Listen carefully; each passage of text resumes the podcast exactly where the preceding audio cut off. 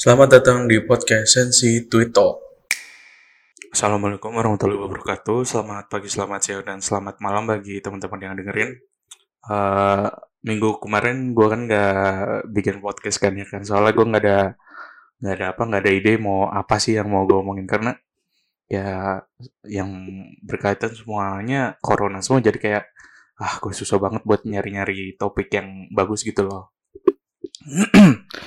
nah kali ini menurut gue sih cukup topik yang bagus ya. Jadi kali ini gue sebenarnya mau ngasih sudut pandang gue kenapa film itu nggak bisa diimplementasikan secara baik oleh orang-orang kita.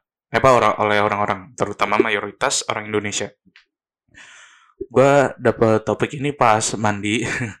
Karena gue tadinya iseng mikir dan pas mandi tuh gue mikir kenapa udah ada film dua garis biru tapi orang masih suka nyewa sesuka hati dia tanpa kayak pakai kondom lah segala gitu. gue gue di sini sebenarnya bukan kayak untuk menjudge mereka yang mancingnya bisa suka hati mereka tapi kalau kelihatannya begitu ya ya udah. Itu berdasarkan si film ini aja. Jadi menurut gue sih begini kenapa banyak orang itu nggak mengimplementasikan film dengan kehidupan mereka? Itu karena ya mereka nonton film itu hanya untuk bersenang-senang atau hanya ngikutin hype-nya aja. Contoh lain ini ini menurut pandang gue aja ya, film Joker. Itu menggambarkan pribadi orang yang punya sakit mental, tapi nggak bisa ketolong secara baik yang gue denger dan gue lihat review orang-orang waktu itu adalah Joker memang sadis secara singkatnya begitu. Jadi kayak Joker itu nggak baik dan harus sifatnya tuh harus kita jauhin. Nah ketika kita nonton Joker itu kita dikasih tahu latar belakang Joker dikasih tahu dia itu tinggal di mana dia itu kerjanya apa dan lain-lainnya juga. Tapi orang langsung jump to conclusion kalau Joker itu jahat dan harus dipenjara. Gitu loh kalau gue singkatin. Padahal dari film Joker itu kita belajar bahwa mental health is not a joke kita harus membantu mereka atau mengarahkan mereka ke orang-orang yang bisa membantu mereka. Jadi bukan misalkan, dih orang gila, ngapain lu di sini, pergi lo, begitu loh. nah kita harus nyoba untuk ngajak dia berdiskusi dan cari jalan keluar dari apa yang dia alami. Menurut gue dengan dikeluarkannya film Joker itu orang seharusnya bisa lebih apa kayak paham lah dengan situasi dan kondisi yang ada. Apalagi waktu Joker keluar itu kan orang-orang ya mohon maaf banget banyak yang suicidal suicide yang banyak yang apa sih kayak bunuh diri dan kayak membuat diri mereka sendiri itu nggak baik gitu. Nah ini pesan penting banget dari film Joker bahwa orang orang tuh nggak semuanya kayak begitu. Jadi kayak orang yang kayak gitu harus kita bantu, kita tuntun biar mereka biar bisa sehat seperti biasa. Sebenarnya bukan cuma film sih, buku, buku termasuk juga. Ini gue juga ngomongin karena emang ada buku yang tadinya gue implementasikan tapi sekarang nggak begitu. Ini baru ngomongin Joker belum ngomongin film-film yang mengandung pesan moral lain. Jadi uh, akan gue kasih tahu film-film yang seharusnya ngasih arahan untuk ke depannya supaya kehidupan kita atau orang lain itu lebih baik. Joker kan udah ya karena titik besarnya itu terletak di mental health. Dan seharusnya siapa pun bersedia ngasih arahan. Bukan kayak lu yang ngasih way jangan untuk mereka. Tetapi lebih kayak lu ngasih tahu ke dia bahwa lu harus ke sini loh dan lu bantu dia supaya dia bisa ke situ kayak bikin uh, donasi kecil-kecilan, ngumpulin temen-temen lu gitu untuk biar mereka bisa sehat seperti biasa. Uh, mungkin film kedua yang akan gue masukin dua garis biru kali ya. Ini film bener-bener ngasih gue apa ya kayak impact gede banget ke gue dan cewek gue sendiri pas kita nonton ini. Singkatnya sih pesan moral begini, lu kalau belum siap secara apa pun mendingan jangan ngewe dulu. Singkatnya begitu. Tapi kalau dijabarin lagi sebenarnya akan lebih dalam lagi. Mungkin cerita dikit aja kali ya mengenai film ini. Jadi di film ini tuh dikasih tahu dua anak SMA yang lagi main di kamar ceweknya tuh kayak yang ngebucin biasa lah. Terus lama-lama kayak ke bawah suasana yang kayak mereka mau enak gitu loh. Setelah mereka baru merasa pengen, akhirnya ya ya ngelakuin. Nah setelah ngelakuin, si cowok dan ceweknya ngerasa nyesel udah ngelakuin hal itu. Nah, menurut gue, yang pertama karena cowoknya nggak bawa kondom. Dan yang kedua karena ceweknya mohon maaf udah nggak perawan lagi. Gue sejujurnya kurang begitu paham sih dengan konsep kalau cewek kehilangan keperawanan itu kenapa. Tapi yang gue tahu jelas adalah kalau setelah begitu itu kalau cewek itu kan ada bekasnya ya. Jadi mungkin itu kali yang ditakutin kali ya. Nah ini baru scene awal. Kita lanjut ya ke scene berikutnya. Gue aslinya sih udah agak-agak lupa sih sama apa apa aja yang ada di sana tapi ya gue mencoba untuk refresh kembali lah ya.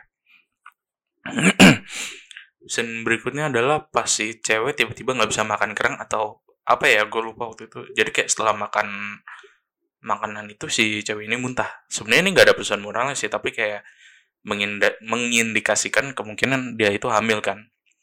Nah scene ketiga uh, yang gue inget setelah scene ini tuh si waktu cowoknya tuh pengen beli tas pack tapi nggak berani ngambil sendiri. Dan akhirnya dia minta uh, ojek online beli ini di minimarket. Nah ini pesan moral menurut gue mengikuti situasi dan kondisi yang ada di mana si cowok dan cewek ini masih SMA mungkin si apa direkturnya mau ngasih tahu kalau dengan tinggi badan lo atau fisik lo yang masih mohon maaf kelihatan banget anak SMA akan mudah untuk disinisten sama orang-orang di sana ketika lo ngambil tas pack mungkin ya mungkin. Karena ini baru menurut gua aja. Karena menurut menurut gua yang mungkin disampaikan oleh direkturnya gitu. Bukan pure dari gue sendiri.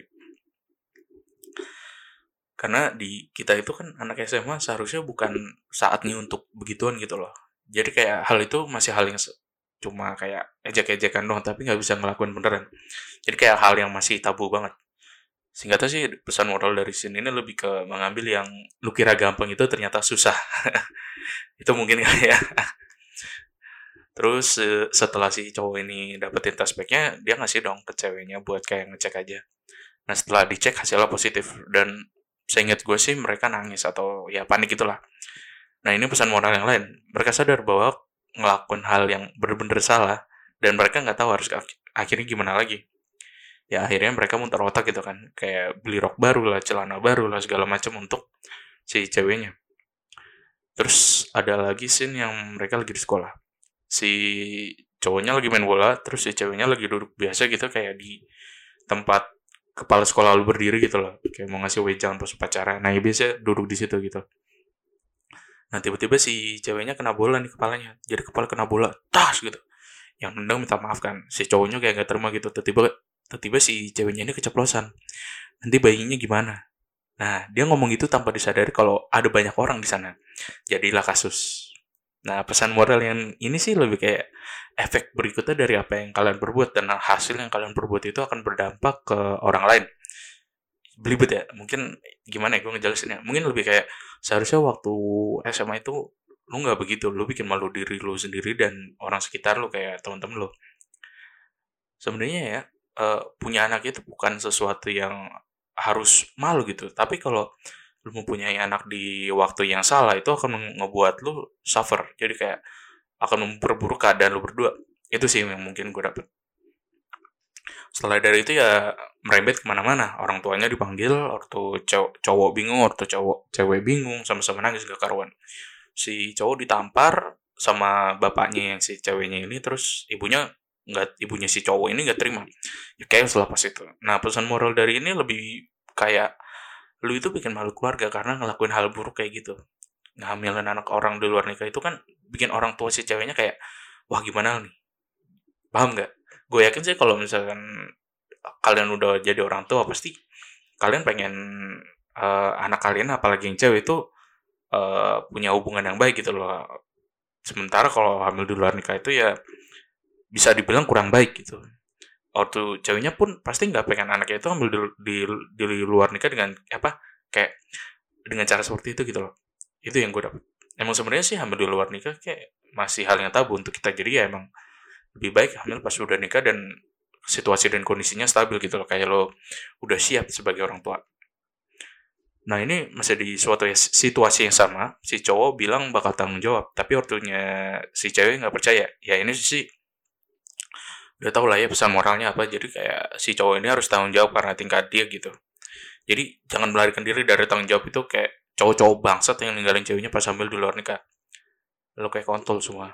Mati aja lo anjing semua.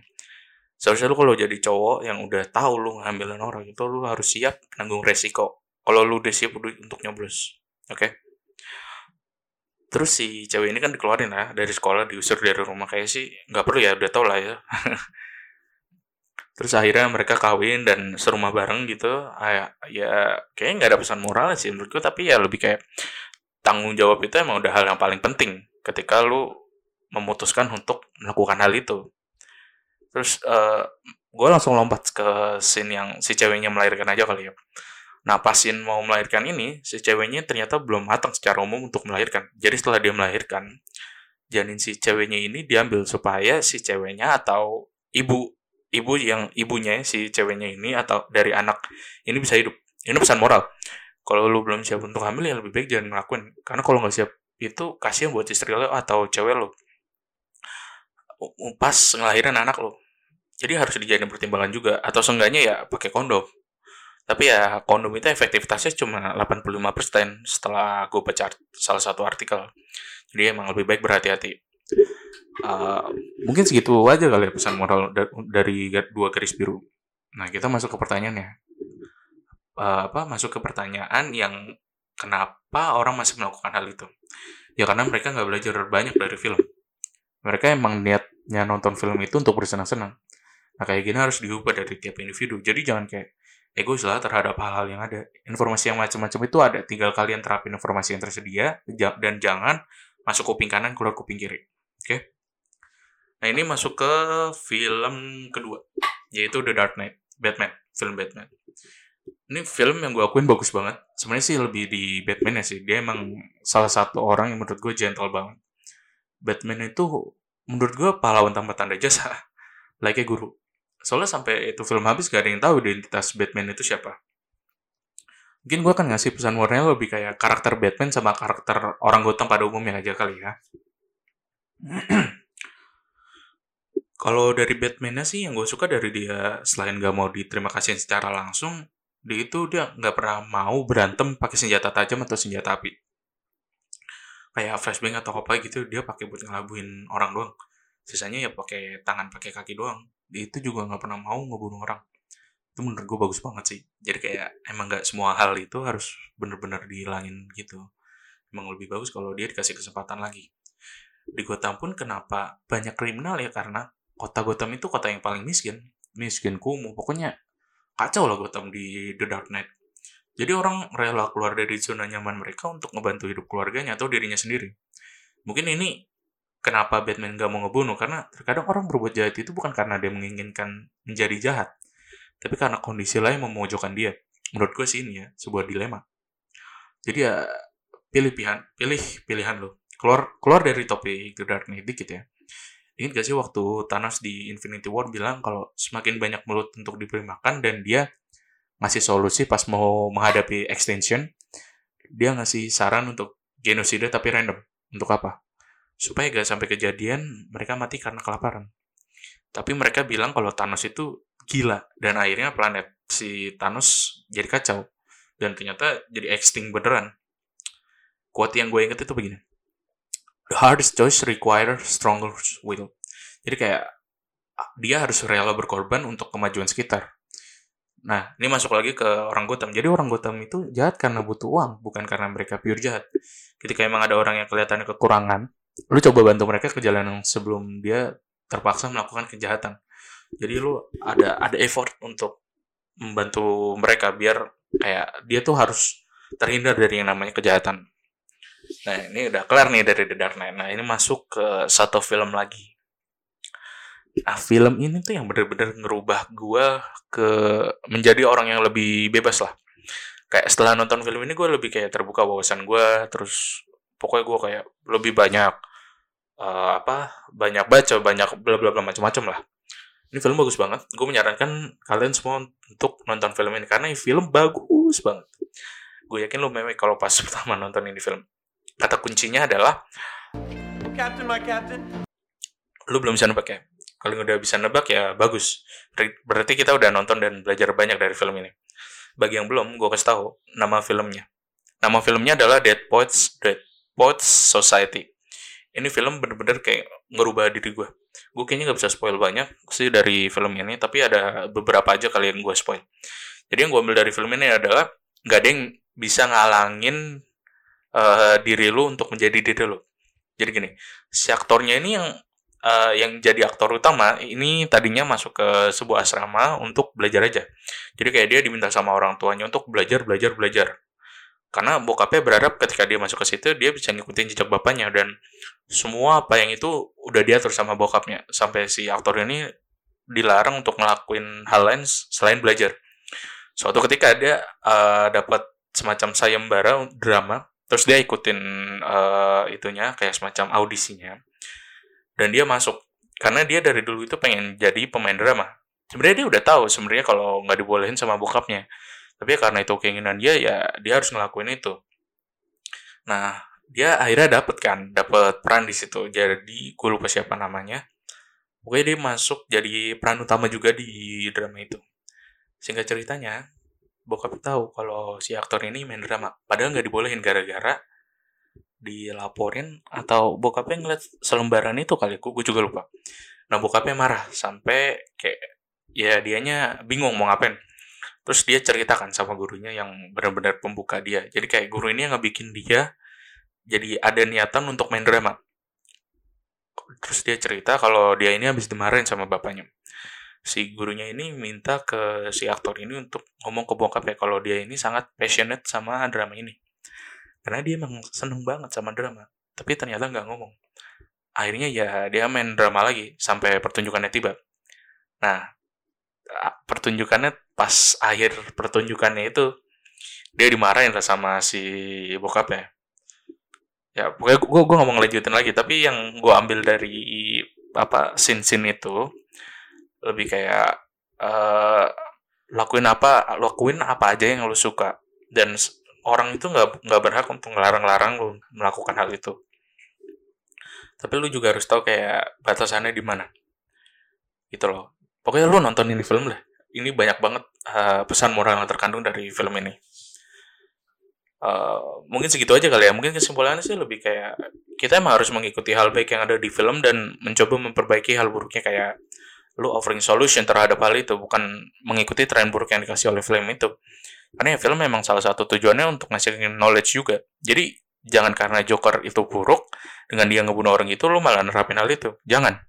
Ketika yang adegan Joker dibully terus terus ngebunuh menurut gue emang bukan sebuah tindakan yang baik. Tapi itu spontanitas aja dia ngelakuinnya. Makanya setelah dari stasiun itu dia lari terus sampai ke toilet yang di taman atau di mana gitu.